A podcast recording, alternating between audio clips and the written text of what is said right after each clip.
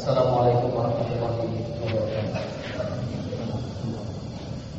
Innal hamdalillah nahmaduhu wa nasta'inuhu wa nastaghfiruh.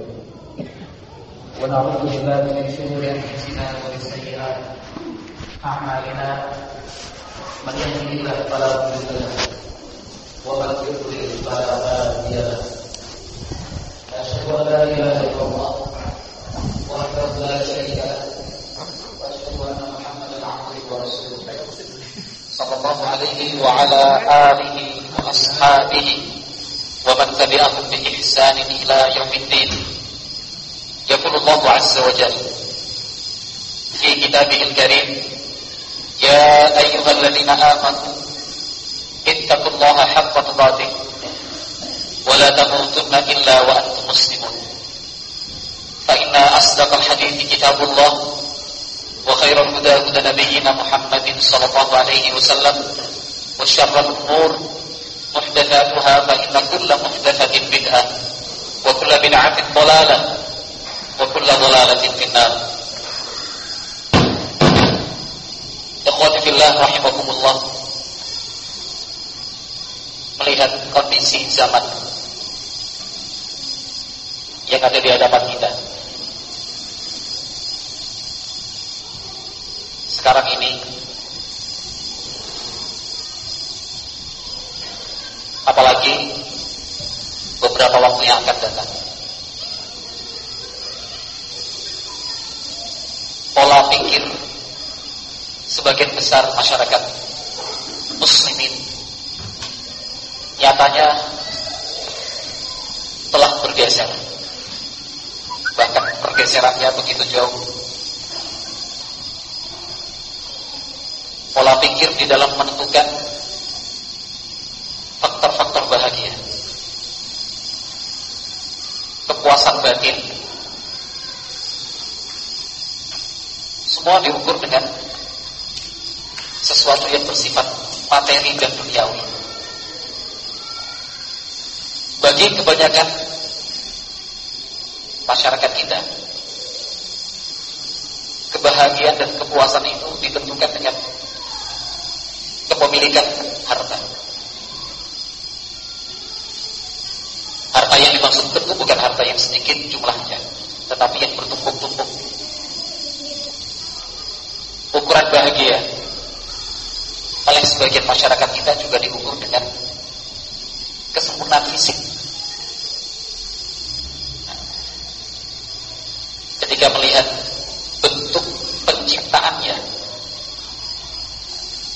jauh dari nilai-nilai kesempurnaan.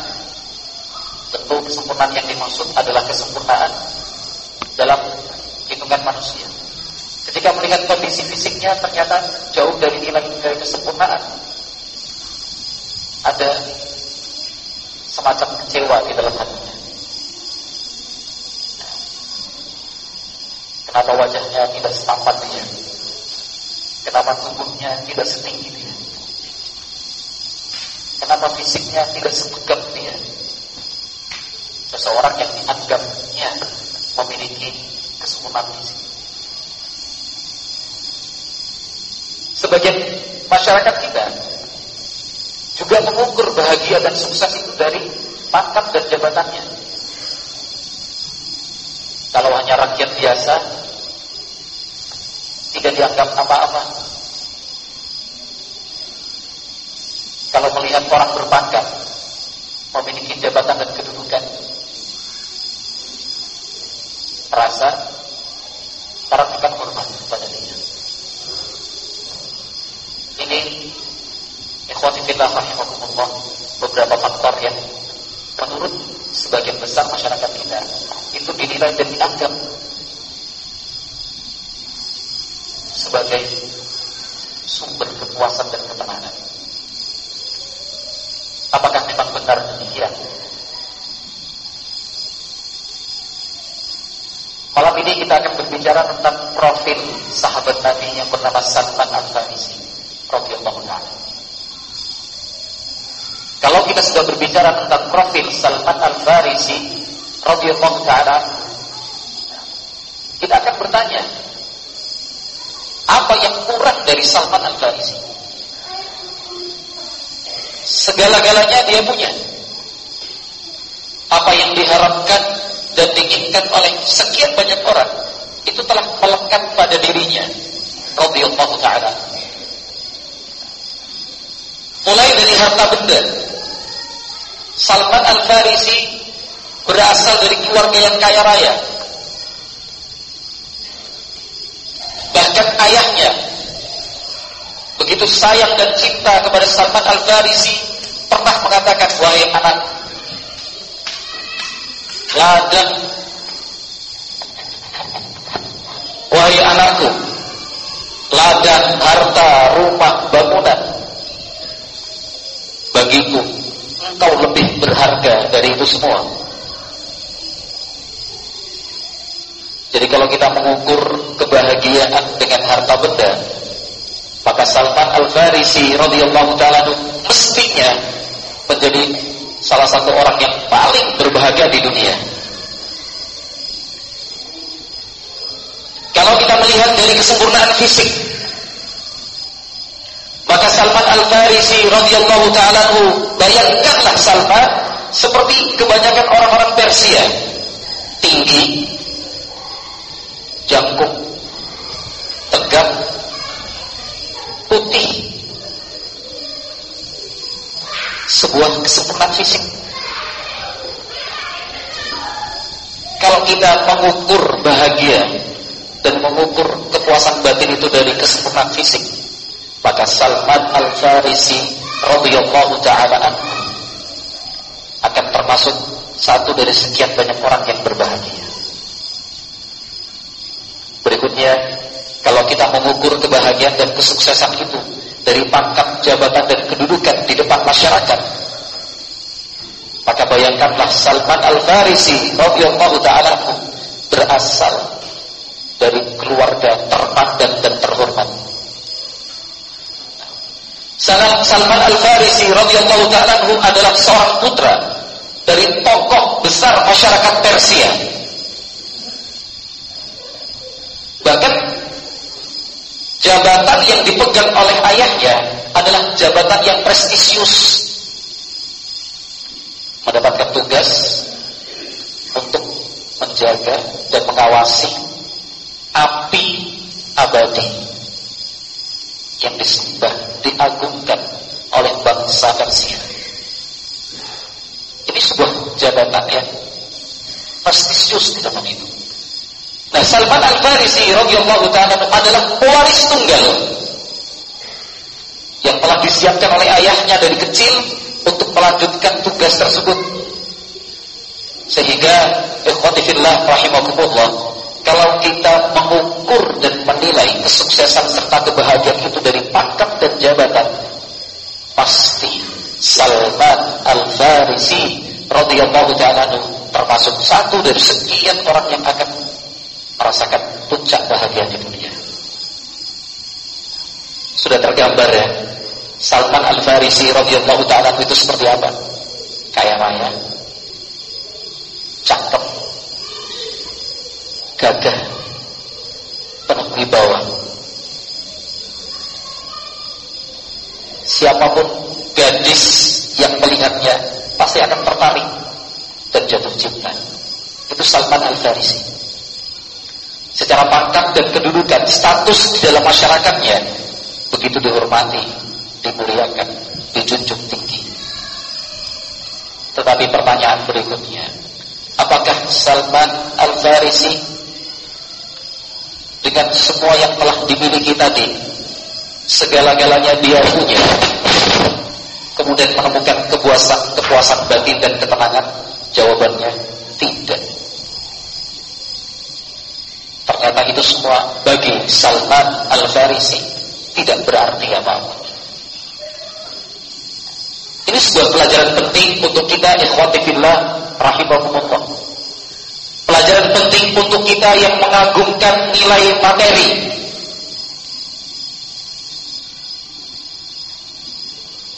Pelajaran penting bagi kita yang menempatkan harta benda sebagai tolak ukur kemuliaan dan kehinaan.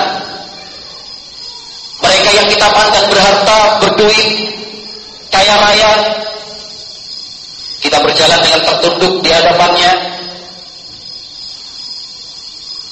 memposisikan diri sebagai seorang pelayan, merendahkan diri di hadapan dia, seperti kebanyakan orang.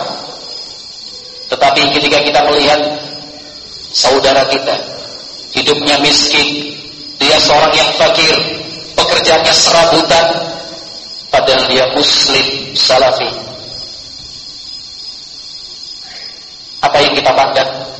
Kita rendah. Seakan tidak memiliki arti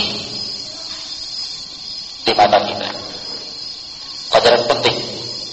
Contohlah Salman Al-Farisi radhiyallahu Salman Al-Farisi juga menjadi pelajaran penting untuk kita. Yang bermimpi, berkhayal, bahkan lamunan yang tinggi, berfantasi. Kalau misalkan tubuhnya ideal. Nasihat ini bukan hanya untuk kaum muslimin, kaum pria, tetapi nasihat ini juga untuk kaum muslimah, kaum wanita. Kita semua yang menganggap kesempurnaan fisik itu adalah segala-galanya. Sehingga kurang bisa menerima dengan bentuk tubuhnya yang mungkin pendek. Rambutnya keriting, hitam, pesek, giginya agak maju ke depan. Ciri-ciri fisik yang pada umumnya orang tidak menginginkannya. Nah kita semua yang berfantasi melamun, uh kalau tubuhku gagah. Seperti A, seperti si B, seperti si C, seperti si D. Rambut, bentuk rambut yang telah Allah berikan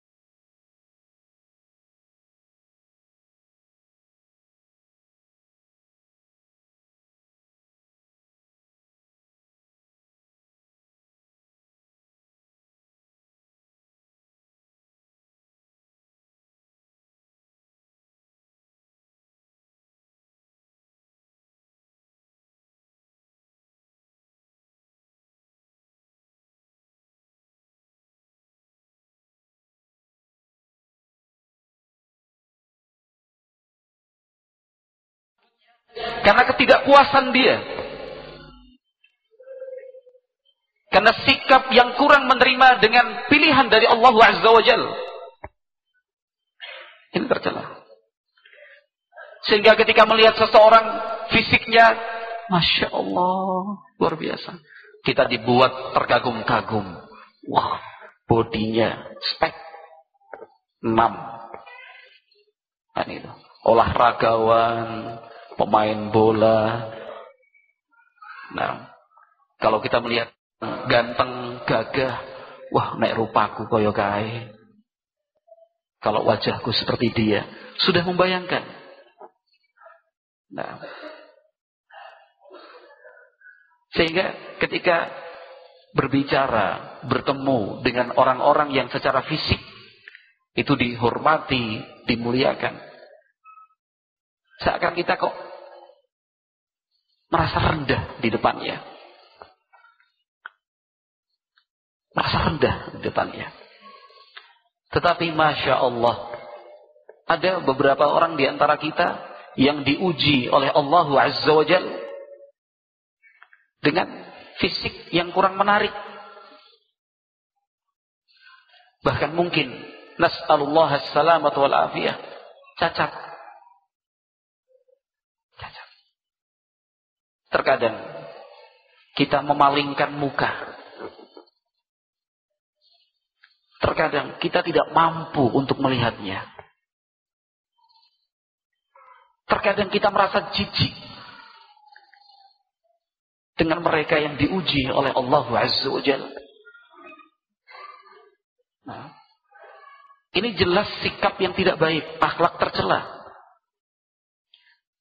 Maka untuk kita yang menilai seseorang dari kesempurnaan fisiknya, maka belajarlah kepada Salman Al-Farisi radhiyallahu taala yang secara fisik luar biasa, tinggi, tegap, putih, mancung, barisan gigi yang rapi.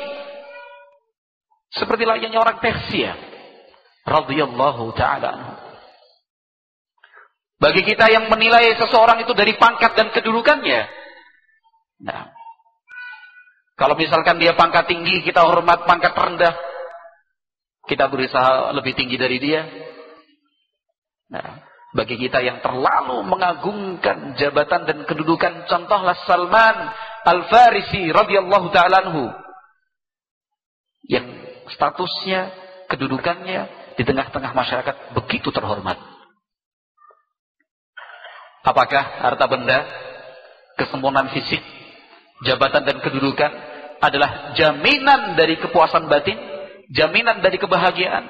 Jawabannya tidak. Salman Al-Farisi sekali lagi telah memiliki segala-galanya yang diidam-idamkan oleh sekian banyak orang.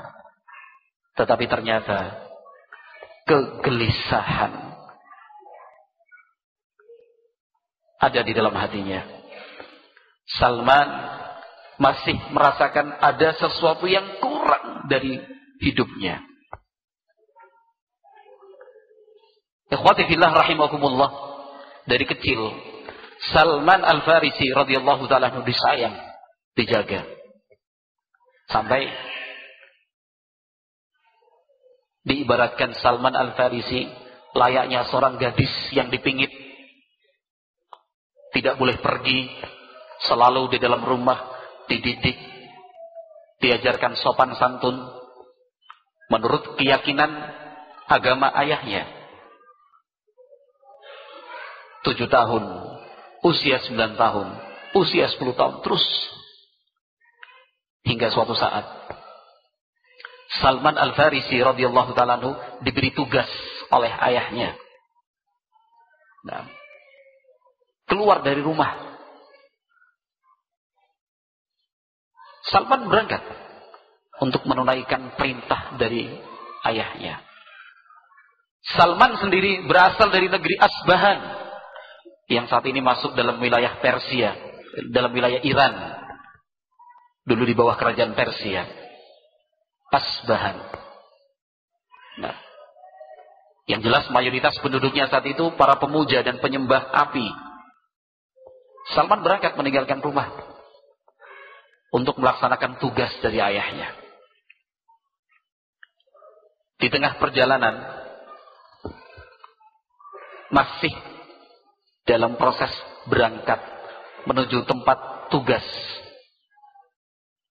Salman Al-Farisi radhiyallahu taala anhu melintas di sebuah bangunan tempat ibadah milik orang-orang Nasrani. Ya wajar kalau Salman Al-Farisi radhiyallahu taala kemudian berhenti menganggap apa yang dilihatnya sebagai sesuatu yang menarik sehingga membuat Salman merasakan penasaran. Itu wajar karena Salman dari kecil sampai usia hari itu tidak pernah melihat dan menyaksikan alam bebas itu seperti apa berhenti di depan tempat ibadah itu yang ternyata gereja. Di dalamnya sekelompok orang-orang Nasrani melakukan ibadah. Didengar oleh Salman. Dilihat oleh Salman. Dari pagi sampai petang. Ketertarikan Salman Al-Farisi membuatnya lupa dengan tugas yang diberikan oleh ayahnya Sampai kemudian Salman menyimpulkan, ada khairun min dini. Kegiatan yang ini di dalam gereja ini ternyata lebih baik dari kepercayaan agama yang selama ini aku pegang, kata Salman Al-Farisi radhiyallahu taala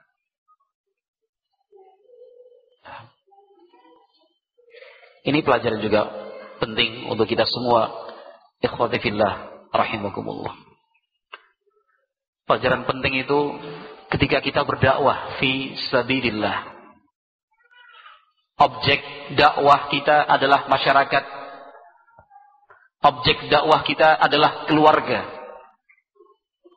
Mereka yang sejak kecil pola ibadahnya berdasarkan turun temurun dari nenek moyang mereka.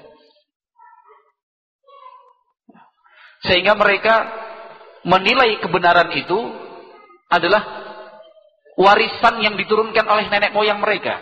Yang mereka kerjakan, yang mereka perbuat, yang mereka ucapkan sebagai ajaran dari nenek moyang mereka, ayah dan kakek mereka. Itulah yang benar. Selain itu salah. Sehingga pada saat kita menyampaikan dakwah Al-Quran, sunnah Nabi Muhammad alaihi salatu wassalam, manhaj ahli sunnah wal jamaah dalam arti yang sesungguhnya. Akidat as-salafiyah. Kita sampaikan kepada mereka lihat penolakan itu terjadi luar biasa.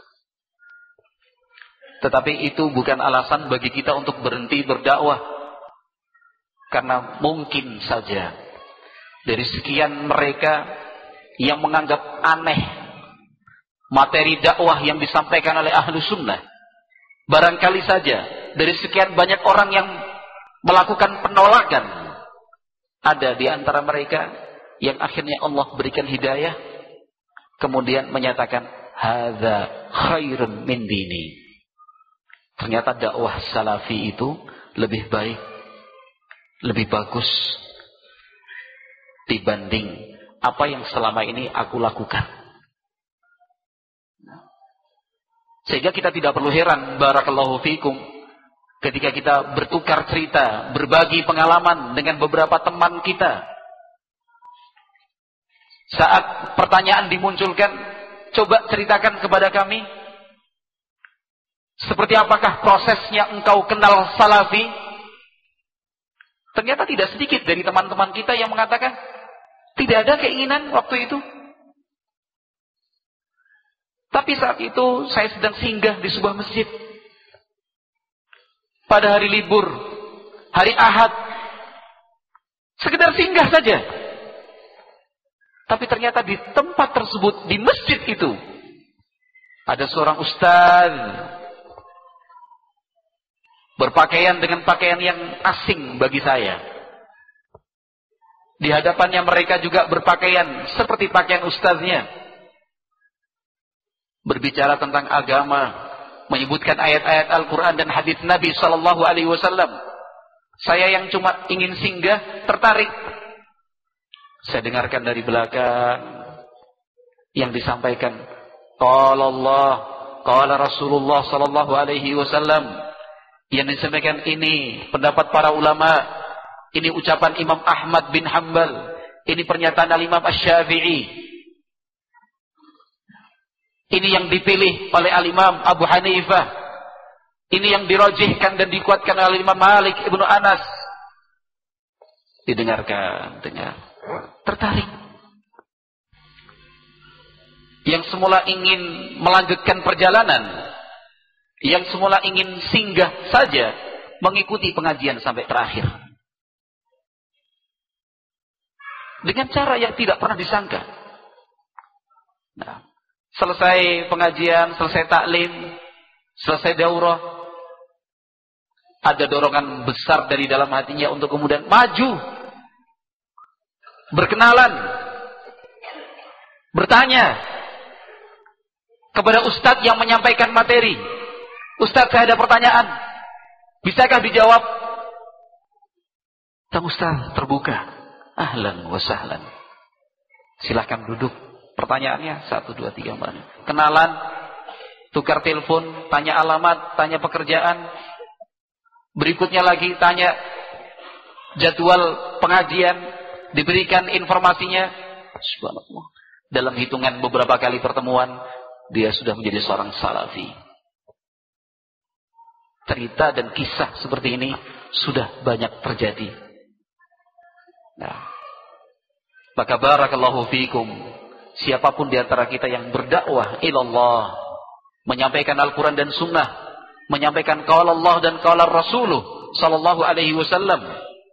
Jangan hanya berpikir dan terfokus pada orang-orang yang di depannya.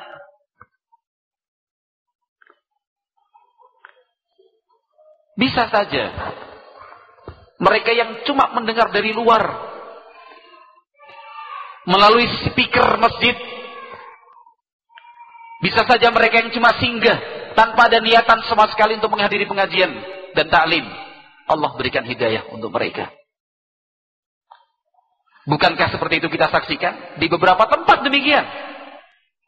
Nah, taklim ahli sunnah disampaikan di sebuah masjid. Speaker yang membuat suara sang ustadz didengar oleh tetangga dan masyarakatnya. Tetangga serta masyarakat ikut mendengarkan. Karena fitrah umat Islam cinta kepada Al-Quran dan Sunnah Nabi Sallallahu Alaihi Wasallam. Bahkan di sebuah tempat masyarakatlah yang meminta, tolong kalau ada pengajian speakernya dikuatkan, dibesarkan, diarahkan ke rumah-rumah kami. Karena kami juga ikut mendengarkan di dalam rumah. Karena untuk datang ke masjid kami belum bisa. Ini kejadian di beberapa tempat. Barakallahu fiikum. Dipenuhi, diikuti, terus didengar-dengar sampai kemudian Allah Azza wa Jal benar-benar menguatkan tekadnya, memberikan hidayah untuk dia, hatinya dibuka dan dilapangkan selapang-lapangnya, hadir di masjid. Kemudian menjadi pembela dan pendukung dakwah ahli sunnah. Nah, ini penting untuk dipelajari barakallahu fiikum dari cerita dan kisah Salman Al-Farisi radhiyallahu taala. Sudah gelap, Salman pulang. Ayahnya karena begitu cinta dan sayangnya, itu sudah memerintahkan beberapa orang untuk mencari tahu di mana perginya Salman. Nah, jelas khawatir, cemas karena anaknya Salman adalah telah dipersiapkan untuk menjadi penggantinya, disayang, dicinta. Salman pulang. Dimarahi oleh ayahnya. Kenapa? Sampai terlambat.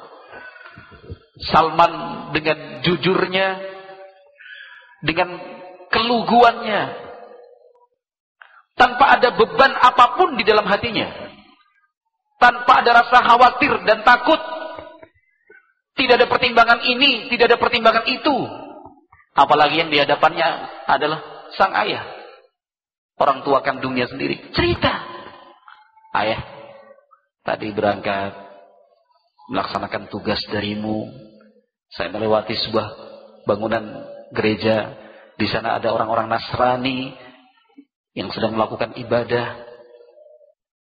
Nah, saya tertarik, saya dengarkan, saya saksikan. Lalu saya simpulkan. Ternyata agama mereka, wahai ayah, lebih baik dibandingkan agama yang kita pegang selama ini. Ayahnya marah. Justru agama kita lebih baik daripada agama mereka. Tetapi perlu digarisbawahi sebelumnya ikhwati fillah barakallahu fikum bahwa ajaran Nasrani yang disaksikan oleh Salman Al-Farisi hari itu sangat berbeda jauh dengan ajaran Nasrani di hari-hari ini. Ajaran Nasrani yang masih dipertahankan kesucian dan kemurniannya walaupun sudah terjadi banyak penyimpangan dan penyelewengan. Nah, ayahnya marah. Nah, karena kekhawatiran dari ayah, maka Salman dipenjara di dalam rumah. Kedua kakinya diikat dengan rantai. Karena ayahnya merasa khawatir. Anak ini akan berubah keyakinan. Akan beralih ke agama yang lain. Dan itu tidak dimaukan oleh sang ayah. Namun, sebelum Salman pulang ke rumah tadi, Salman Al-Farisi telah menyampaikan beberapa pertanyaan kepada orang-orang Nasrani. Ini agama apa? Sumbernya dari mana? Agama Nasrani dari negeri Syam. Salman sempat berpesan, kalau misalkan ada orang-orang dari negeri Syam datang ke tempat ini, Syam dan Persia, Suriah sampai ke Iran zaman sekarang. Jarak yang jauh. Kalau nanti ada rombongan dari Syam datang, mereka kaum Nasrani dari sana, beritahu aku. Utuslah orang untuk menyampaikan kepadaku. Nah, sehingga Salman dalam penantian cahaya hidayah itu telah masuk di dalam hatinya. Menunggu, menunggu, menunggu. Menunggu adalah sesuatu yang membosankan dan menjenuhkan. Menunggu itu adalah sesuatu yang melelahkan. Tetapi itu semua dihadapi dan dijalani oleh Salman Al-Farisi radhiyallahu taala Sampai akhirnya betul berita tentang rombongan dari Syam itu datang. Dengan caranya dan dimudahkan oleh Allah Azza wa Jal, Salman berhasil melepaskan diri dari rantai besi yang mengikat kakinya dan Salman berhasil melarikan diri dari rumah orang tuanya. Kemudian beliau bergabung dengan rombongan yang datang dari Syam. Setelah mereka menyelesaikan hajat dan kebutuhannya, berangkatlah Salman Al-Farisi bersama rombongan Nasrani dari negeri Syam meninggalkan kampung halamannya. Mulailah di sini, ikhwati fillah barakallahu fiikum, perjalanan panjang sahabat Salman untuk kemudian pada akhirnya menjemput hidayah bertemu dengan Rasulullah sallallahu alaihi wasallam Nabi Muhammad secara langsung. Tetapi perhatikan barakallahu fikum. Ada usaha nyata. Ada usaha nyata yang dilakukan Salman Al-Farisi untuk mencari ketenangan dan ketentraman hati. Karena ternyata dan terbukti ketenangan serta ketentraman hati itu tidak diukur dengan harta benda. Tidak diukur dengan kekuatan, kemampuan, eh, kesempurnaan fisik. Tidak diukur dengan pangkat, jabatan, dan kedudukan. Kalau itu sebagai tolak ukurnya, untuk apa Salman melepaskan itu semua? Kalau itu sebagai ukuran, untuk apa Salman Al-Farisi berangkat meninggalkan kampung halamannya, berpisah dengan orang tua yang betul-betul cinta dan sayang kepada mereka, kepada kepadanya? Apa alasannya? Jawabannya karena memang kepuasan batin, ketenangan dan ketentraman itu ternyata belum dirasakan oleh Salman Al-Farisi radhiyallahu taala Ayahnya tidak dipikir lagi. Harta benda milik ayahnya tidak diperhitungkan. Nah, jaminan dia menjadi seorang pejabat, pelanjut karir ayahnya tidak bernilai apa pun di mata Salman Al-Farisi radhiyallahu taala. Ini pelajaran penting. Siapa pun kita yang ingin menemukan ketenangan hati dan ketentraman, ingat harta bukan jaminan. Kesempurnaan fisik bukan jaminan. Materi duniawi bukan jaminan. Pangkat dan jabatan bukan jaminan.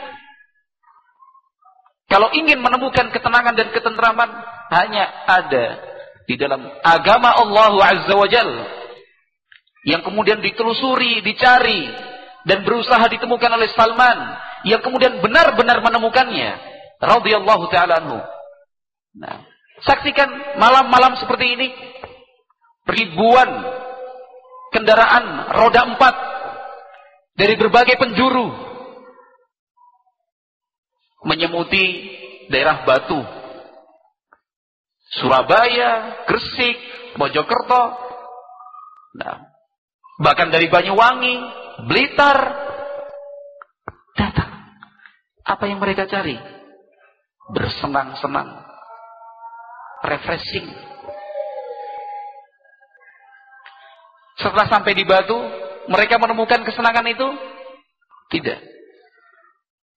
Mereka betul-betul refresh? Tidak. Kalaupun mereka mengatakan senang, bahagia, fresh. Bohong.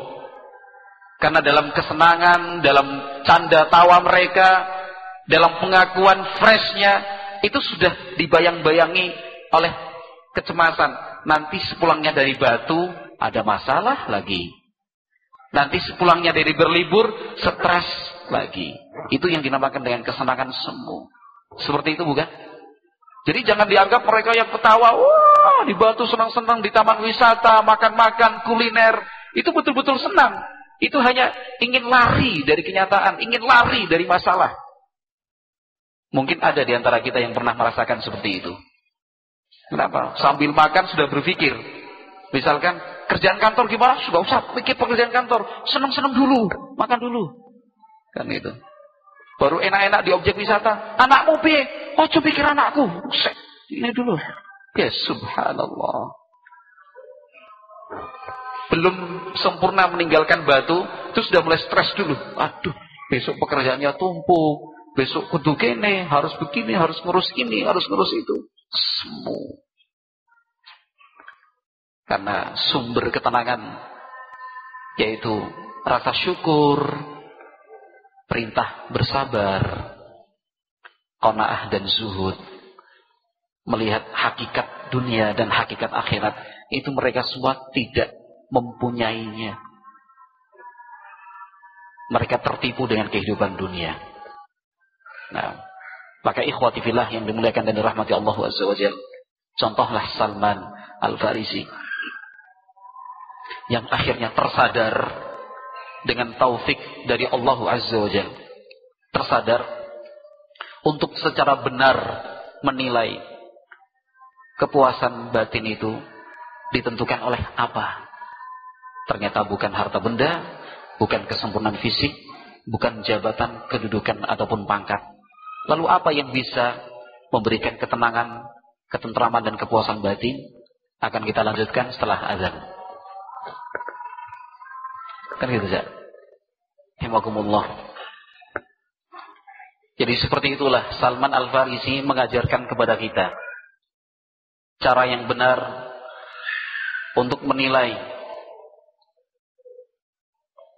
faktor-faktor yang akan memuaskan batin dan menenangkan hati.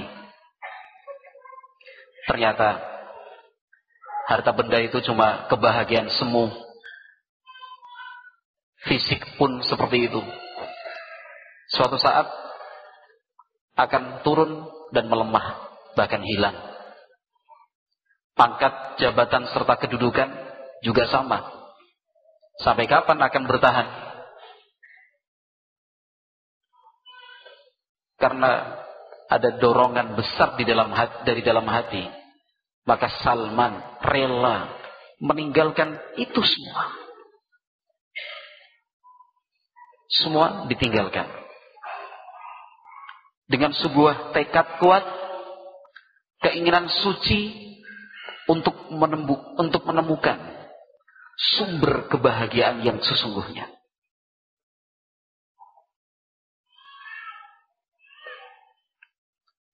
Untuk kita yang hidup di zaman ini, mestinya juga contohlah Salman Al-Farisi. Teladani Salman Al-Farisi.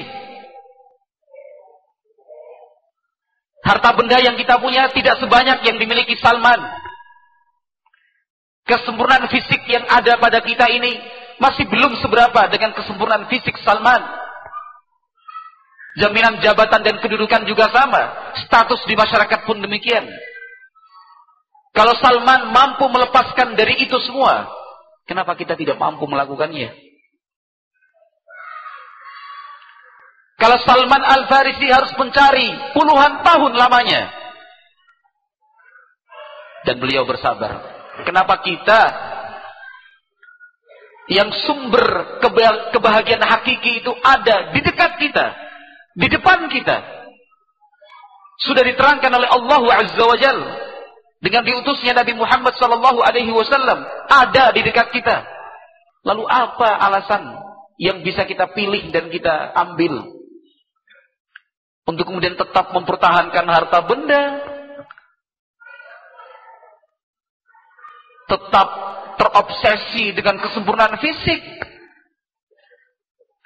tetap tergoda dengan kedudukan dan status di masyarakat, takut dikucilkan, takut diasingkan, takut dihina, takut tidak dapat diterima. Itu yang disebut dengan kedudukan. Lalu apa alasan kita? Untuk kemudian tidak belajar agama lebih dalam. Subhanallah. Salman Al-Farisi kemudian berangkat ke Syam. Perjalanan jauh sampai ke negeri Syam. Dan memang negeri Syam itu masuk dalam kekuasaan Romawi yang keyakinan resminya adalah agama Nasrani. Sampai di negeri Syam, di pusat penyebaran agama Nasrani, Salman bertanya kepada orang-orang di sana, siapakah yang paling alim dalam ajaran Nasrani di kota ini? Ditunjukkan, oh uskup fulan. Pendeta fulan. Salman kemudian datang. Jangan lupa, ini perjalanan panjang dari Persia sampai ke Romawi, Syam. Perjalanan panjang. Jangan karena kita bercerita di satu waktu dipikirnya dekat. Panjang. Setelah ditunjukkan itu, Salman datang. Oh ya pendeta, izinkan aku belajar kepada anda. Penuh adab, sopan santun. Diterima sebagai muridnya. Tinggallah engkau di tempatku di gereja. Pendeta itu sudah berusia tua. Dihormati, dimuliakan. Nah. Tetapi kata Salman Al-Farisi, nyatanya orang ini adalah orang yang paling jahat. Tidak seperti yang dikira dan dinilai oleh orang. Dia menganjurkan orang bersedekah. Dia memerintahkan kaum Nasrani untuk berinfak. Ternyata harta benda yang dipercayakan kepada pendeta itu dikumpulkan, dikumpulkan, lalu dimiliki secara pribadi. Terutama emas dan perak. Salman menyaksikan. Tapi Salman diam. Hanya itu yang bisa dilakukan oleh Salman. Sampai kemudian pendeta tersebut meninggal dunia. Ketika orang-orang Nasrani ingin melakukan prosesi pada jenazahnya, Salman mengatakan, jangan. Orang ini pendeta yang jahat. Apa buktinya? Sini. Beberapa orang diajak oleh Salman ke tempat penyembunyian harta karun milik pendeta itu. Ternyata di tempat penyembunyian itu ada tujuh peti, tujuh peti, tujuh peti besar dibuka emas perak yang pernah mereka sumbangkan sebelumnya. Marah orang-orang Nasrani. Sehingga jenazah sang pendeta itu disalib. Dilemparin menggunakan batu. Seperti itu mereka mensikapi sang pendeta yang ternyata berkhianat. Ini juga pelajaran penting buat kita. Ikhwati fillah barakallahu fiikum. Pelajaran penting untuk kita semua. Apa pun yang kita sembunyikan. Itu tidak tersembunyi bagi Allah Azza wa Jalla. Kebaikan ataukah keburukan? Sama. Allah subhanahu wa ta'ala akan memperlihatkannya. Kalau tidak di dunia, nanti di akhirat. Nah. Keburukan yang kita lakukan. Yang kita tutupi dan sembunyikan. Pada saatnya nanti akan terbongkar. Maka takutlah ketika berbuat keburukan. Kebaikan yang kita lakukan, amalan soleh yang kita kerjakan, pada saatnya nanti Allah akan buka. Karena itu tidak akan terlewatkan dari pengawasan Allah Azza wa. Tercatat. Dan Allah akan memberikan balasan terbaik sehingga kita tidak perlu khawatir, tidak perlu takut, tidak perlu bersedih ketika melakukan kebaikan tidak diketahui oleh orang. Karena kita beramal, beribadah bukan karena untuk diketahui orang. Penyakit ini naudzubillah telah menjangkiti sebagian kaum muslimin Seolah-olah amal ibadah itu belumlah sempurna sebelum diketahui oleh orang lain. Ketika dia berbuat kebaikan dan belum dia ceritakan kepada orang lain, rasanya kurang. Ini penyakit. Untuk apa kita khawatir? Untuk apa kita bersedih ketika berbuat kebaikan orang lain nggak tahu? Atau barangkali kita yang berbuat bukan nama kita yang disebut, Orang justru mengira orang lain sakit hati. Ini penyakit yang akan menodai keikhlasan sebagai tanda tauhidullahi azza wa jal yang ada pada diri kita masih belum kuat.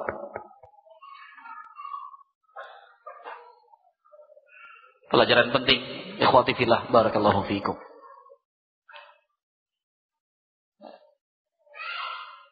Kemudian mereka sepakat untuk mencari pengganti.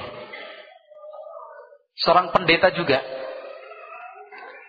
Masya Allah, kata Salman Al-Farisi, pendeta ini adalah orang yang paling baik. Berakhlak, berbudi luhur. Ucapannya dan perbuatannya selaras. Yang dia sampaikan, dia kerjakan. Yang dia larang, dia pun meninggalkan. Salman jatuh cinta kepada sang pendeta ini. Sehingga semangat untuk belajar tentang ajaran Nasrani. Membaca kitab Injil.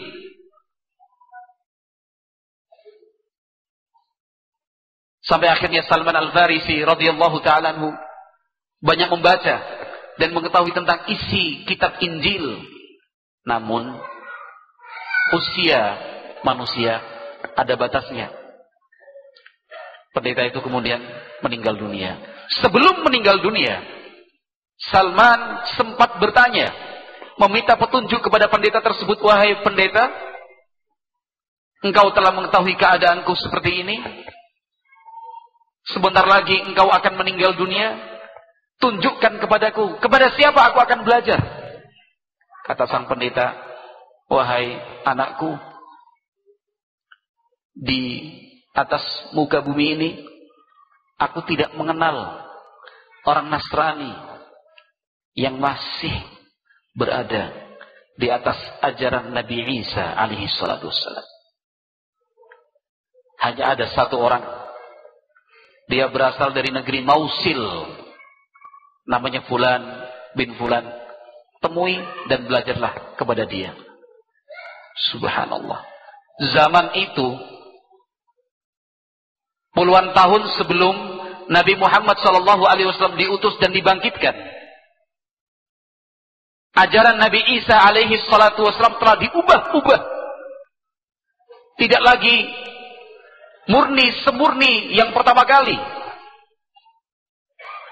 Bukankah ini bentuk pengakuan dari seorang alim Nasrani, seorang pendeta Nasrani yang mengatakan, aku tidak tahu lagi di atas muka bumi ini yang masih menjalankan ajaran Nabi Isa sebagaimana mestinya, kecuali satu orang di negeri Mausil, temui dia. Selesai meninggal dunia, Salman Al-Farisi berangkat ke Mausil, bertemu dengan pendeta yang dimaksud Salman menyampaikan keinginannya untuk belajar, diterima. Ternyata pendeta di Mausil itu sama dengan pendeta sebelumnya, baik. Masih di atas ajaran Nabi Isa alaihi salatu wassalam. Ajaran yang masih diakui dan diterima di sisi Allah Azza wa Jal ketika itu. Karena Nabi Muhammad belum diutus sebagai Nabi dan Rasul. Sekian waktu Salman belajar tentang Injil dan ajaran-ajaran Nabi Isa alaihissalam kepada pendeta Mausil itu. Ternyata sama. Sang pendeta meninggal dunia. Sebelum meninggal, Salman masih sempat bertanya. Pertanyaan yang sama, kepada siapa saya akan belajar lagi? Kata pendeta dari Mausil ini, masih ada lagi. Orang yang menjalankan Nasrani sebagaimana yang diajarkan Nabi Isa. Pendeta Fulan bin Fulan di negeri Nasibin. Selesai mengurusi pemakamannya, Salman berangkat ke Nasibin. Nah, sama juga sang pendeta di Nasibin meninggal dunia, Salman bertanya kepada siapa saya akan belajar. Pendeta Nasibin mengatakan, nama sebuah tempat. Pendeta Nasibin mengatakan, yang aku ketahui di atas muka bumi ini menjalankan agama Nasrani sebagaimana ajaran Isa alaihi salatu wasallam hanya satu pendeta di Ammuria. Temui dia, Fulan bin Fulan. Berangkat lagi ke Ammuria. Menemui Fulan bin Fulan, pendeta yang dimaksud. Sama baiknya dengan pendeta Nasibin, sama baiknya dengan pendeta Mausil, dan sama baiknya dengan pendeta sebelumnya. Pendeta Ammuria akhirnya meninggal dunia. Sebelum meninggal dunia, Salman sempat bertanya, kepada siapa engkau perintahkan aku belajar? Kata pendeta Amuriah itu demi Allah. Di atas muka bumi ini sudah tidak ada satu orang pun yang tersisa. Yang masih setia menjalankan ajaran-ajaran Nabi Isa alaihi salatu wassalam. Tetapi jangan khawatir putraku. Waktu masa bangkitnya Nabi yang terakhir sudah semakin dekat. Subhanallah. Mampu membaca kondisi zaman. Memiliki kemampuan untuk menilai perubahan yang terjadi di kehidupan dunia. Ini para pendeta Nasrani yang saat itu masih di atas ajaran Nabi Isa alaihi salatu wassalam. Kata pendeta Amuriah, jangan khawatir wahai putraku masa bangkitnya Nabi yang terakhir sudah semakin dekat. Dari mana sang pendeta itu mengetahui?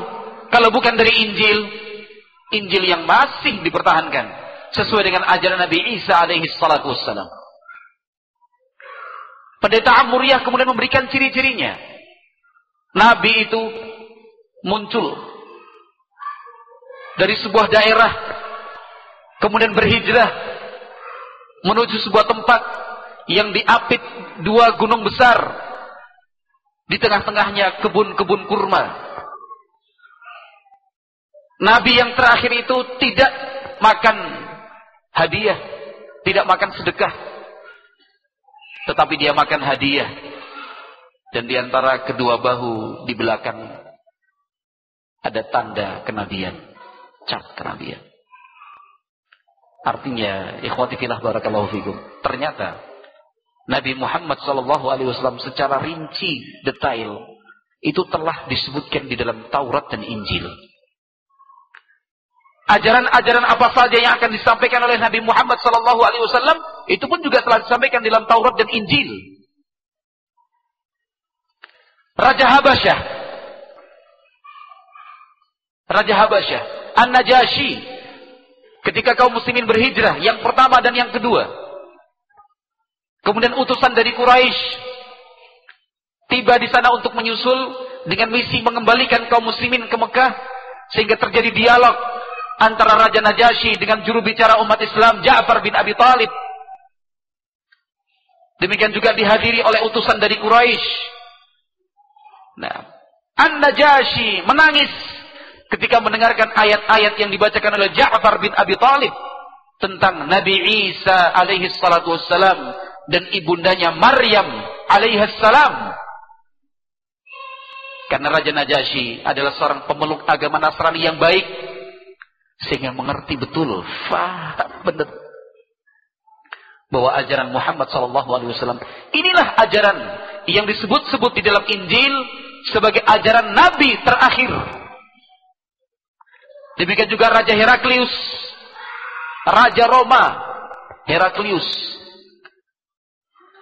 Ketika Abu Sufyan dan rombongan dagangnya yang saat itu masih dalam keadaan kafir sampai di negeri Roma, Heraklius mengundang mereka, siapa di antara kalian yang paling dekat nasabnya dengan Muhammad, dia yang mengaku seorang nabi? Abu Sufyan menjawab saya. Kemudian Heraklius bertanya tentang profil dan sosok seseorang yang mengaku nabi itu. Apakah ada nenek moyangnya seorang raja?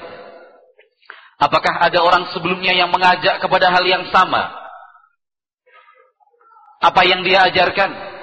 Siapakah saja pengikutnya? Orang kaya atau orang miskin, bangsawan atau orang rendahan? Nah. Ketika terjadi pertempuran, apa hasilnya? Menang hasilnya, menang ataukah kalah? Beberapa pertanyaan diajukan oleh Heraklius untuk memastikan apakah seseorang yang mengaku sebagai nabi dari negeri Mekah benar-benar sosok nabi yang disebutkan di dalam kitab Injil. Ketika Abu Sufyan menjawab satu, dua, tiga, empat, lima sesuai dengan nomor urutan pertanyaan dari Heraklius, kata Heraklius, demi Allah.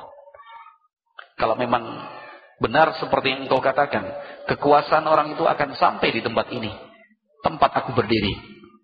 Kalau misalkan aku mampu sampai bertemu dengan dia, akan aku basuh kedua telapak kakinya. Sebuah pengakuan dari mereka kaum Nasrani para pengikut dan pelaksana Injil, Injil yang masih murni, bahwa Islam adalah agama yang benar, bahwa Muhammad ibn Abdullah alaihi salatu wassalam adalah Rasul terakhir yang disebutkan dalam Taurat dan Injil. Alladzina atainahumul kitab ya'rifunahu kama ya'rifuna abna'ahum. Al-Baqarah. Mereka ahlul kitab, al-Yahud wan Nasara. Mereka yang telah kami berikan Alkitab benar-benar mengetahui tentang Nabi Muhammad sallallahu alaihi wasallam sebagaimana mereka mengetahui anak kandungnya sendiri. Seorang ayah pasti bisa mengenali anaknya dari kejauhan, dari postur tubuhnya, dari bentuk tubuhnya. Seorang ayah bisa mengenali anaknya dari jenis suara tangisannya. Seorang ayah, seorang ibu bisa mengenali anaknya dari bentuk jari jemari tangannya. Maka orang-orang Yahudi dan Nasrani mengenal betul Nabi Muhammad sallallahu alaihi wasallam. Itu seperti mereka kenal anak kandungnya sendiri. Artinya rinci, detail. Bukankah ketika Nabi alaihi salatu wasallam diajak pamannya Abu Talib berdagang ke Syam. Ada seorang pendeta kan yang melihat. Melihat Nabi yang saat itu masih berusia 12 tahun. Kemudian awan yang menaunginya, melihat ciri-cirinya, Sang pendeta bertanya, siapa wali dari anak ini? Abu Talib yang dipanggil. kata pendeta, cepat engkau bawa pulang keponakanmu ini. Jangan sampai dilihat oleh orang-orang yang tidak senang. Karena ada tanda-tanda sesuatu pada keponakanmu. Lihat, cuma lihat tok begini. Subhanallah. Tidak pernah bertemu, tidak pernah berkenalan, hanya sekedar melihat sosok Nabi Muhammad yang saat itu masih berusia 12 tahun. Ini, ini, ini, seorang Nabi. Dibawa pulang di sini oleh Abu Talib. Kembali ke Mekah. Maka benar firman Allah Azza wa Jal bahwa orang-orang Yahudi dan Nasrani sebenarnya di dalam hati kecil mereka mengakui bahwa Islam adalah agama yang benar. Muhammad ibn Abdullah adalah Rasul terakhir yang diutus Allah dan yang disebutkan dalam Taurat dan Injil. Tetapi wajahadu biha wastaqanathum anfusuhum zulman wa urwa. Gengsi. Sombong. Di dalam hati mereka untuk menerima kenyataan bahwa Muhammad Rasul yang terakhir ternyata diutus dari bangsa Arab bukan dari kalangan Bani Israel Sebab mereka sudah terlanjur ngomong. Sudah terlanjur berkoar-koar. Sudah terlanjur menceritakan sana dan ke sini. Ketika mereka orang-orang ahlul kitab berperang dengan bangsa Arab. Ketika kalah, orang-orang ahlul kitab mengatakan tunggu saatnya ketika Rasul yang terakhir Allah bangkitkan. Kami akan berperang di bawah kepemimpinan dia. Mengalahkan kalian. Eh, ternyata Allah mengutus Rasul yang terakhir bukan dari kalangan Bani Israel. Allah mengutus Nabi Muhammad dari bangsa Arab. Gengsi. Sementara orang-orang Ansor saat itu, ketika mendengar berita, ada seorang Nabi muncul dari Mekah. Mereka mengatakan, ini sudah barangkali. Yang selama ini disampaikan oleh orang-orang Yahudi. Ini yang selalu kita ditakut-takutin oleh Yahudi. Ayo kita segera beriman. Maka kebencian mereka kepada umat Islam itu luar biasa. Walan tardha 'ankal yahudu walan nasara hatta tattabi'a. Orang Yahudi, orang Nasrani tidak akan pernah diam, tidak akan pernah ridha kepada umat Islam. Sampai kapan? Sampai engkau mengikuti ajaran mereka. Nah, sampai engkau mengikuti ajaran mereka. Nah ini pesan dari pendeta Ammur ya. Masa kenabian sudah semakin dekat. Sabar. Ciri-cirinya ini. Satu, dua, tiga, empat, lima. Ini ikhwati barakallahu fikum. Perjalanan panjang Salman Al-Farisi. Meninggalkan kampung halamannya, harta bendanya, orang tuanya, masyarakatnya jaminan jabatan dan janji kedudukan itu semua ditinggalkan oleh Salman untuk apa? Mencari sumber kebahagiaan yang hakiki. Setelah pendeta Amuriah meninggal dunia, Salman membuka usaha ternak sapi, kambing diternak oleh Salman sampai dalam jumlah yang cukup banyak. Hingga akhirnya ada sejumlah pedagang sejumlah pedagang datang dari tanah Arab. Salman kemudian tertarik untuk ikut mereka. Bawalah aku semua ternakku ini sebagai upahnya. Dibawa Nah, oleh para pedagang-pedagang Arab itu. Tapi Masya Allah, Salman divolimi. Sudah hewan ternaknya diambil, Salman diperbudak. Dijadikan sebagai budak untuk diperjualbelikan di pasar budak. Salman Al-Farisi. Tetapi ingat, "Walladzina jahadu fina lanahdiyannahum subulana." Mereka yang bersungguh-sungguh untuk menemukan jalan kami, mereka yang bersungguh-sungguh untuk mengikuti jalan kami, yaitu jalannya Allah Azza wa Jal, lanahdiyannahum subulana. Akan kami tunjukkan dia jalan kami yang mana. Jalan kami yang sesungguhnya. Itu janji dari Allah Azza wa Jalla. Asalkan ada tekad yang kuat, asalkan ada cita-cita yang besar untuk menemukan sumber kebahagiaan yang hakiki, siapa pun pasti akan bisa menemukannya. Nah, lihat Salman Al-Farisi semua dikorbankan. Hewan ternaknya itu semua dikorbankan demi mencari ketenangan tadi. Nah, sehingga ikhwati fillah barakallahu fikum. Kalau sudah untuk urusan agama, untuk kepentingan dakwah, untuk ketenangan hati kita, untuk mewujudkan iman kita, tidak ada berhitung harta, berhitung uang. Untuk kepentingan pendidikan anak-anak kita, tidak boleh kita eman-eman untuk pendidikan anak-anak kita, saya ingin memberikan sedikit nasihat untuk setiap orang tua. Barakallahu fikum. Jangan eman untuk keperluan gizi mereka. Jangan perhitungan untuk asupan vitamin dan mineral mereka. Jangan. Anak-anak kita bebannya ternyata tidak sedikit hafalan Quran, hafalan hadis Nabi Shallallahu Alaihi Wasallam, pelajaran yang sedemikian banyaknya, belum lagi ditambah main-main. Energi yang dikeluarkan itu begitu besar, harus diimbangi dengan gizi yang baik. Belikan buah-buahan, belikan minuman yang bergizi, berikan sayur-sayuran.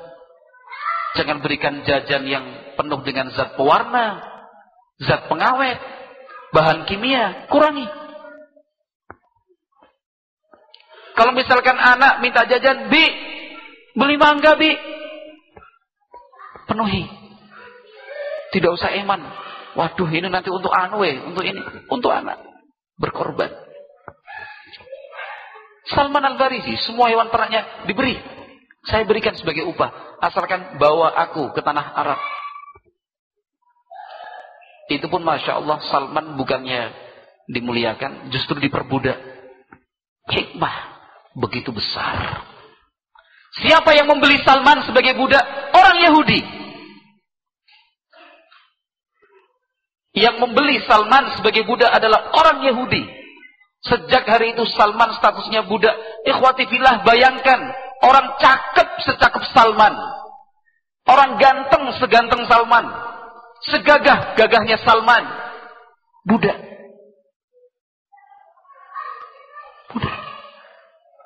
Orang yang dulunya kaya raya, disayang, dihormati, akhirnya menjadi Buddha. Apakah Salman mengeluh? Salman pesimis? Salman berkecil hati? Salman menyerah? Tidak. Tetap semua dijalani dengan sabar. Sabar. Karena yang dicari belum ditemukan. Cari sumber ketenangan itu sampai dapat. Jangan mundur. Cari sampai temukan sumber ketenangan hidup itu yang sesungguhnya. Cari dan temukan yang namanya bahagia itu seperti apa. Ya, Masya Allah, Salman menjadi Buddha. Biasanya orang Buddha itu dari kalangan Afrika hitam. Begitulah orang Afrika dan seterusnya. Tapi Salman cakep, tinggi, tegak, gagah, Buddha. Tapi itu dijalani oleh Salman, dibeli oleh orang Yahudi. Setelah, setelah sekian lama, ternyata keluarga dari Yahudi ini datang. Salman dijual Ternyata orang Yahudi ini tinggalnya di seputaran kota Madinah. Lihat Iran, Suriah, keliling sampai di Madinah. Sebelum Nabi Muhammad SAW berhijrah ke Madinah. Dibeli orang Yahudi Madinah. Bekerja Salman di sana. Tapi setibanya di kota Madinah, Salman melihat geografis alamnya sudah berbunga-bunga hatinya. Ini sudah yang diceritakan oleh pendeta Amuria. Kondisi kota Madinah yang dikelilingi gunung, kebun-kebun subur dengan kurma di sana. Salman sudah merasa ini yang digambarkan. Karena tidak semua wilayah di negeri Arab sama seperti kota Madinah. Ini. Tapi Salman terus bekerja, berladang. Karena statusnya sebagai budak. Statusnya sebagai budak. Padahal di sana, di negeri Mekah, Islam sudah disampaikan dan didakwahkan Nabi Muhammad Sallallahu Alaihi Wasallam. Setelah 10 tahun, setelah 13 tahun namanya, ya, Nabi Muhammad berdakwah di kota Mekah. Beliau berhijrah. Siang itu, Salman bekerja memanjat pohon kurma. Asik membersihkan, memetik. Disaksikan dan diawasi oleh majikannya orang Yahudi. Tiba-tiba ada sepupu atau misannya datang berlari dari arah pusat kota Madinah. Eh! Teriak sambil terengah-engah nafasnya. Kata misannya yang datang dari kota Madinah tadi, sudah dengar? Orang yang mengaku nabi itu baru saja datang, sekarang disambut di daerah Kuba. Masya Allah. Salman yang baru metik begini, lihat, nabi. Kan ini yang dicari-cari. Yang dinanti-nanti. Puluhan tahun lamanya. Bukan sebulan dua bulan. Ulama menyebutnya puluhan tahun lamanya. Proses dari Salman mengikuti ajaran Nasrani ke Syam sampai betul-betul bertemu dengan Nabi alaihi salatu wasallam ulama ahli tarikh menyebutkan itu puluhan tahun lamanya. Salman yang mendengar teriakan misan majikannya dari Madinah, seorang nabi telah datang, Lupa statusnya sebagai budak. Langsung melorot. Gitu. Mendatangi misan majikan yang tanya. Apa yang kamu bilang tadi? Nabi. Lupa kalau dia budak. Majikannya marah. Ditampar pipinya. Sana balik kerja. Oh iya budak. Aneh. Kerja lagi. Tapi sudah berbunga-bunga hatinya. Sore waktu bekerja selesai istirahat Salman ambil kurma dikumpulkan, ditaruh dalam sebuah keranjang, dibawa ke kota Madinah, pusat kota Madinah. Di sana Nabi Muhammad sudah berkumpul dengan sahabat-sahabatnya. Salman datang, kata Salman, "Wahai tamu, engkau adalah orang yang baik. Teman-temanmu juga orang-orang baik. Ini saya membawa sekeranjang kurma sebagai sedekah. Silahkan.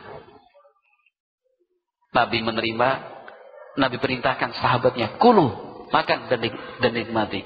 Sementara Nabi Shallallahu Alaihi Wasallam tidak mengambil sebutir kurma pun. Kata Salman, hadhihi wahidah. Ini tanda yang pertama. Karena ciri Nabi yang terakhir tidak makan barang sedekah. Tambah senang lagi ya Allah, Masya Allah. Iki sing tak iki. Oh no. Ini yang saya cari. Haram ya bilang haram. Halal ya bilang halal. Bukan cuma bilang haram dan halal, ada dalilnya. Ini haram karena Allah berfirman demikian. Ini haram karena Rasulullah SAW bersabda seperti ini. Ini halal karena Allah yang menghalalkannya.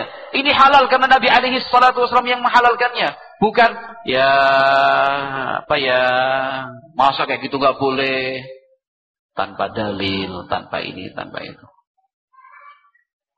Ini yang saya cari ini. Masya Allah. Hari berikutnya bawa lagi kurma satu keranjang. Wahai orang soleh, kemarin waktu saya berikan, saya lihat anda tidak memakan. Ini saya bawa hadiah buat anda. Jangan dikira Nabi Muhammad SAW tidak menyadari. Nabi alaihi wasallam pun sudah menyadari dan mampu mem membaca. Apa yang diinginkan oleh Salman Al-Farisi. Ambil, diperintahkan sahabatnya untuk makan, Nabi Muhammad juga ikut makan. Hadiah. Salman tambah, ini yang saya cari-cari. Wis iki sudah. Salafi yang paling benar ini. Salafi yang paling benar ini. Nah, bukan Hizbut Tahrir, Ikhwanul Muslimin yang katanya partai dakwah tapi politik. Yang dicari kekuasaan, parlemen, kursi. Hizbut Tahrir. Baca itu. Bukan saya perintahkan membaca. Tapi lihat kenyataannya. Buletin milik mereka yang diterbitkan setiap Jumat. Yang dikoordinasikan dari pusat. Pimpinan Hizbut Tahrir. Apa isinya? Dunia semua. Kalau anda yang pernah ikut Hizbut Tahrir atau pernah membaca buletin itu. Tapi saya tidak menganjurkan loh ya. Saya hanya ingin mengatakan, lihat itu kenyataannya. Isinya apa? Korupsi. Di negeri ini rupiah anjlok, dolar naik, eksploitasi hasil alam, kita dijajah oleh asing. Ternyata dakwahnya dakwah fulus. Dakwahnya dakwah duit. Bisa merasakannya? Yang mengikuti sebentar itu bacanya. Materinya itu aja. Bosen kita sampai-sampean. Yang dinukil titik-titik.com, titik-titik.com, titik-titik.com. Itu dinukil pernyataan presiden, pernyataan menteri, pernyataan ini. Lihat, negeri kita sekarang sudah dikuasai oleh asing. Buatkan gambarnya selebaran. Pulau Sumatera, Kalimantan, Sulawesi, Jawa. Ini, ini sumber-sumber alam, sumber ikan, sumber laut semua. Ini tulisannya hasil alam Indonesia dieksploitasi oleh asing. Sampai kapan kita merdeka dari tangan-tangan asing? Insya ternyata dakwahnya dakwah dunia, dakwah harta. Ikhwan muslimin juga seperti itu. Jamaah tablik apalagi. Jamaah tablid. Pembodohan. Kan itu. Gak ngerti apa-apa jadi amir. Gak paham apa-apa kok jadi amir. Ada ikhwan kita. Sudah jadi amir di jamaah tablik. Jadi amir jamaah tablik. Keliling sana, keliling sini. Wong bodoh. Kuntum khaira ummatin ukhrijat linnas. Dalilnya kan itu tok. Kuntum khaira ummatin ukhrijat linnas. Sembilan tahun jadi amir jamaah tablik. Sampai kemudian dia mengatakan, ternyata dari awal jamaah tablik sampai hari itu ketika dia tersadar, yang dia yakini, kuntum khaira ummatin ukhrijat linnas adalah sabda Rasulullah. Astaghfirullah. Senjata andalan wera ngerti. Itu kan senjata andalan jamaah tabligh. Kuntum khairu ummatin ukhrijat linnas. Enggak paham kalau itu adalah firman Allah Azza wa Jalla. Diingatkan oleh ikhwan kita, "Pak, malah ngomong yang benar." Itu ayat Al-Qur'an kamu bilang. Ada tadi ayat Al-Qur'an dibukakan. Tersadar di situ. Alhamdulillah. Taubat dari jamaah tabligh sekarang jadi salafi. Alhamdulillah. Ya cuma itu. Oh iya, namanya bukan jamaah tabligh, tablid. Jamaah pembodohan. Ini ini ini macam-macam lah. Nah, ini nih salafi yang bener ini. Kokoh manhajnya ini loh. Jarah wa takdilnya ini loh. Enggak ada di kelompok yang lain. Jadi kalau misalkan ada syubhat, enggak usah ngaji ke salafi. Dikit-dikit menggibah, jarah wa takdil, tahzir sana, tahzir sini. Mestinya kita berpikir, Masya Allah ya, manhaj salafi ini dakwah salafiyah ini luar biasa. Mekanisme untuk menjaga kesuciannya ini loh. Coba lihat dan pandang dari dari sisi yang ini. Dakwah salafiyah salafiyin ini luar biasa ini. Mekanisme untuk menjaga suci dan bersihnya. Ono sidik nyimpang, cetak. Jalan. Sidik nyimpang, cetak. Ada yang menyimpang dinasihati semua udah prosesnya ya. Nanti kami tahdir, tahdir. Lihatnya dari sisi Masya Allah. Manhatnya dijaga. Dakwah salafi. Masya Allah. Lurus. Biar bersih. Kan gitu ya.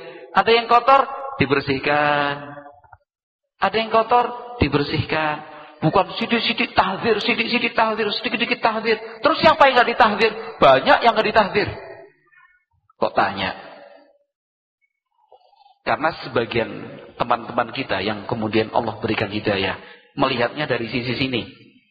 Ketika ada apa namanya seorang dai, dai sururi, dai rojai, semua ditahdir karena dia melihatnya, masya Allah ini dakwah salafiyah itu berusaha untuk menjaga kemurniannya sehingga tidak memberi kesempatan orang yang bingung sana bingung sini masuk. Enggak.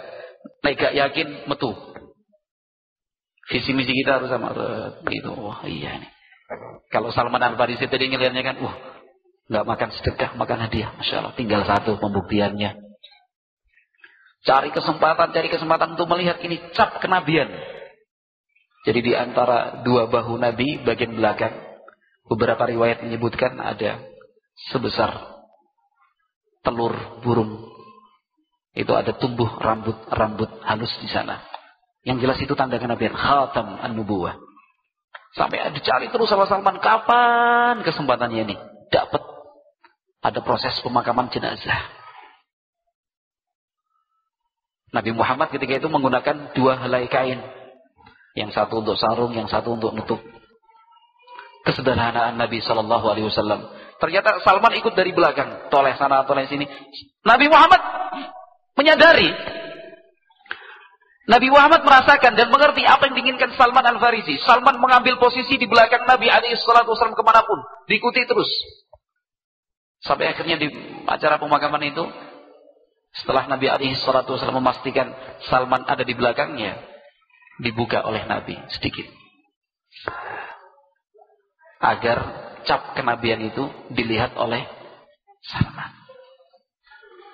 Dibuka Salman melihat dipeluk dari belakang sambil nangis ya Rasulullah ya jadi selama sekian puluh tahun hanya membaca tentang Nabi terakhir sekian tahun hanya menanti-nanti untuk bertemu seorang Rasul terakhir yang diceritakan di dalam Injil yang disebutkan oleh pendeta terutama pendeta Amuriah kerinduannya begitu memuncak itu bukan satu hal yang ringan Puluhan tahun lamanya penantian Salman Al-Farisi. Ingin bertemu dengan orang yang dicintai. Sehingga ketika Nabi Ali SAW membuka selendangnya itu, membuka kainnya itu, terlihat tanda kenabian, dipeluk menangis. Nabi Muhammad membiarkannya. Karena paham betul, ada keharuan di sana, ada kesyahduan di sana, dibiarkan. Setelah itu ditenangkan oleh Nabi Ali SAW. Nabi perintahkan, ceritakan asal usulmu kepada mereka semua kepada para sahabat Nabi radhiyallahu taala anhum. Nah, ikhwati fillah barakallahu fikum. Nah, ternyata apa yang dirasakan Salman ini juga dirasakan sebagian kita. Mereka yang mencari pindah satu kelompok ke kelompok yang lain, jamaah sini, jamaah itu, harokah sana, harokah sini, partai aja pindah-pindah partai. Sampai kemudian akhirnya menemukan dakwah salafiyah. Allah pertemukan dengan seorang ustaz salafi yang menerangkan menjelaskan salafiyah yang sesungguhnya itu seperti apa. Jelas ini haram, halal, makruh. Qala Allah, qala Rasul, nggak boleh begini. Salafus saleh. Itu tidak sedikit di antara kita yang kemudian menangis bahagia, menangis terharu. Ini yang selama ini dicari. Tapi ingat, barakallahu fikum, ketika kita bercerita tentang Salman Al-Farisi, jangan hanya bercerita tentang perjalanan panjangnya Salman. Tapi jangan lupa, berceritalah tentang akhir kehidupan Salman Al-Farisi. Yang tetap istiqomah. Karena perjalanan kita belum selesai. Wis salafi, salafi. Merasa selamat dari neraka. Merasa pasti masuk surga merasa akan diampuni Allah. Saya nggak pernah berbuat syirik. Allah mengatakan innallaha la yaghfiru an wa liman. Pasti masuk surga. Oh, syirik, oh, syirik apa? Padahal syirik itu kan bermacam-macam. Ada syirik akbar, ada syirik asghar. Ada syirik dalam bentuk lafaz. Ada syirik di dalam hati. Ada syirik dalam bentuk perbuatan.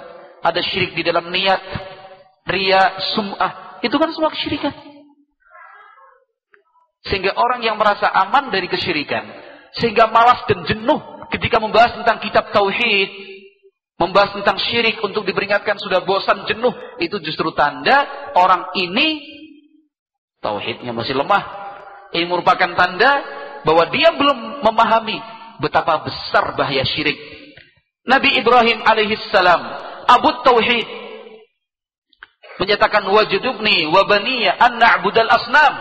Ya Allah, jauhkan aku dan anak-anak keturunanku dari peribadahan kepada patung berhala. Nabi Ibrahim khawatir terjatuh dalam perbuatan syirik. Perbuatan syirik yang dikhawatirkan Nabi Ibrahim apa? Menyembah patung dan berhala. Syirik akbar. Lalu apa alasan kita untuk kemudian merasa aman? Lalu apa alasan kita kemudian jenuh untuk belajar tauhid?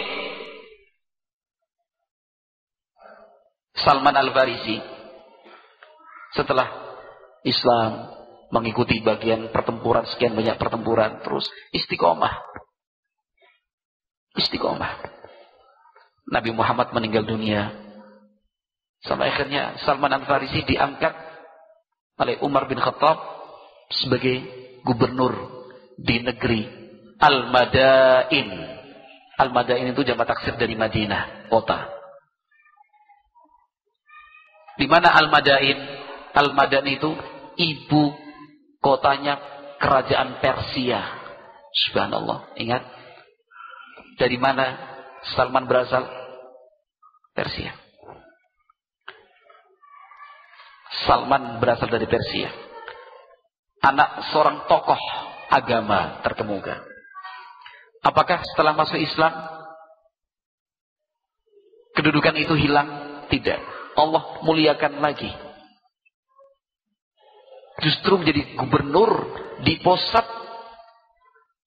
pemerintahan Persia. Al-Madain itu dinamakan Madain karena kota yang berjajar-jajar.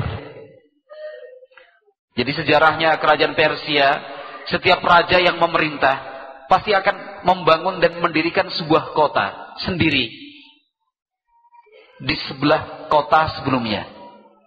Ini raja buat kota ya. Kota benteng semua keperluannya buat. Ini misalkan mati digantikan oleh putranya, ini putranya tidak mau menempati istana milik ayahnya. Dia akan buat sendiri. Nanti raja berikutnya begitu. Ini kota, kota, kota, kota, kota, kota, kota besar. Sehingga disebut dengan kota apa? Al Madain. Di sana Salman Al Farisi menjadi gubernur.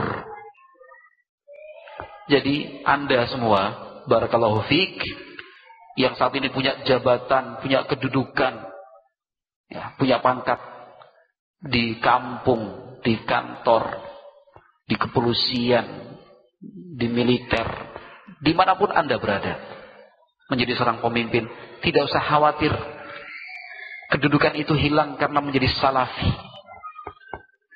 Allah akan berikan ganti dengan yang lebih baik. Contohnya Salman meninggalkan jabatannya di Persia, akhirnya kembali lagi ke Persia sebagai seorang gubernur.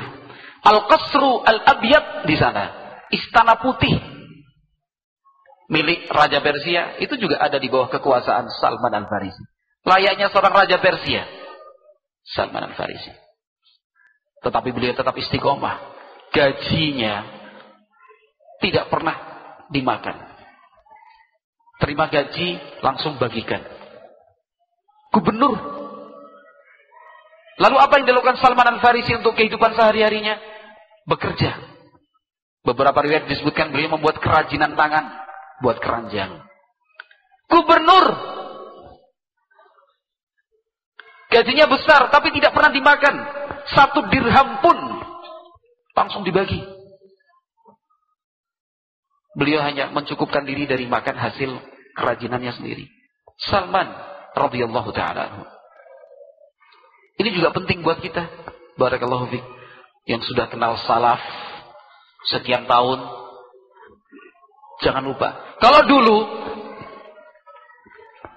Allah menguji kita dengan dibenci, diusir, ditolak, ditentang di mana-mana. Kalau kita dulu diuji dengan kefakiran dan kemiskinan. Coba tanya kepada mereka yang telah mengenal dakwah salafiyah sejak 20 tahun yang lalu, 25 tahun yang lalu, di awal-awal tahun 90-an. Tanyakan kepada mereka yang pernah mengalami masa-masa itu.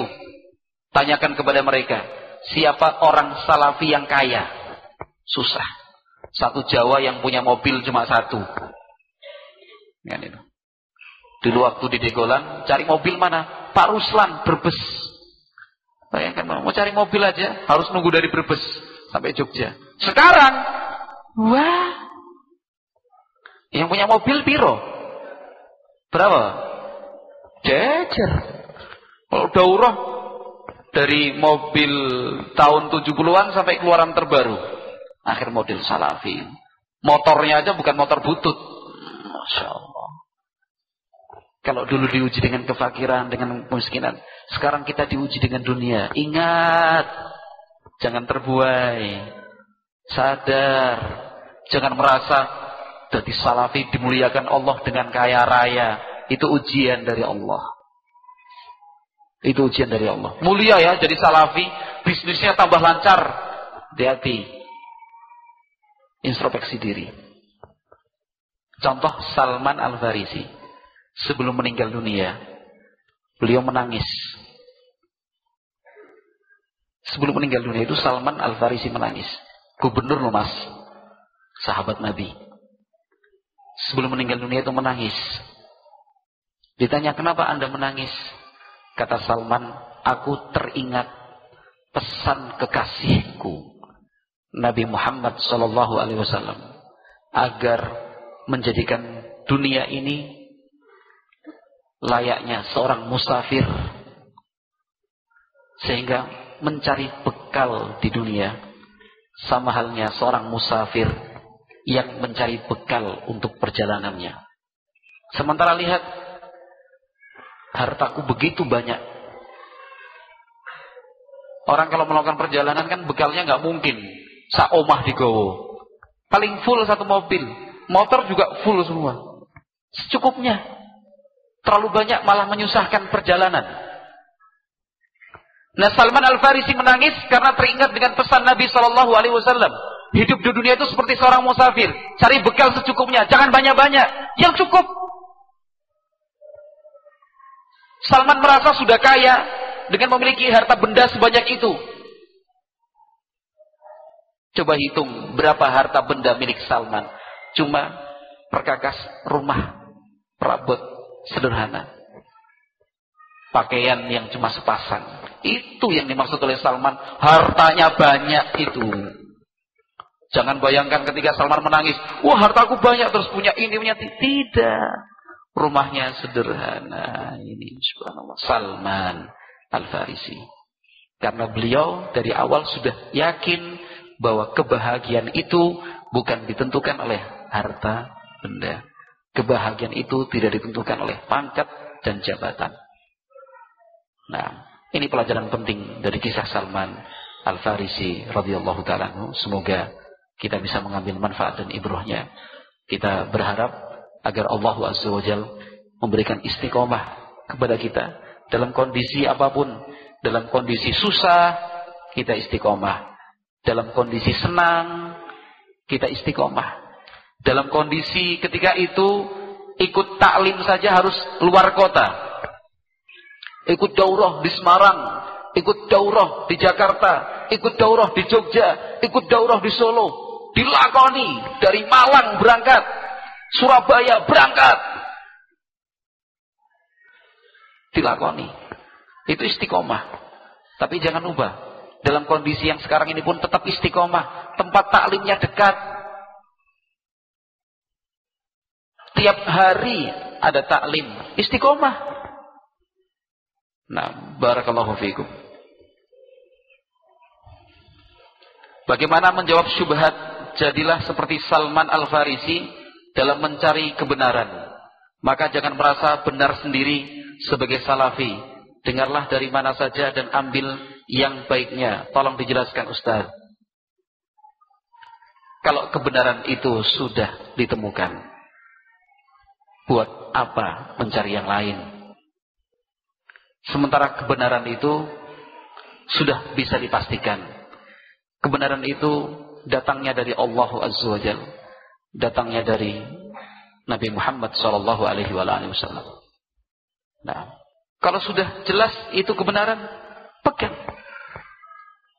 Al-haqqu min rabbik, fala takunanna minal mumtarin. Kebenaran itu datangnya dari Allah Azza wa Jalla, Tuhanmu. Maka jangan sekali-kali, jangan pernah coba-coba untuk menjadi orang yang ragu. Untuk menjadi orang yang ragu. Sekarang Salman Al-Farisi setelah mendapatkan Islam, pernah coba-coba yang lain? Saya tadi telah menerangkan istiqomahnya Salman Al-Farisi radhiyallahu taala sampai akhir hayatnya. Nah, jadi mencontoh Salman Al-Farisi radhiyallahu taala dalam mencari kebenaran dan setelah mendapatkan kebenaran dipegang kuat. Dipegang kuat. Nah, bukan kemudian mengartikan mencontoh Salman setelah mendapatkan kebenaran masih ingin coba sana coba sini. Wah, ini ah, ini coba sana kelompok ini, kelompok sana golongan ini, golongan ini. tidak seperti itu. Nah, barakallahu fiik.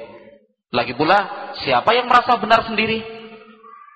Yang kita anggap benar dan kita nilai sebagai kebenaran adalah Al-Quran dan Sunnah Nabi Muhammad Sallallahu Alaihi Wasallam. Begitulah kita dididik di dalam manhaj salafi ini. Semua ditimbang dan diukur dengan Al-Quran, Sunnah Nabi Alaihi Wasallam, kemudian pemahaman salafus saleh mana yang memahami ayat dan hadis tersebut. Nah, wallahu a'lam bishawab. Mudah-mudahan bermanfaat. Subhanakallahumma wa bihamdik asyhadu an la ilaha illa anta. Assalamualaikum warahmatullahi wabarakatuh.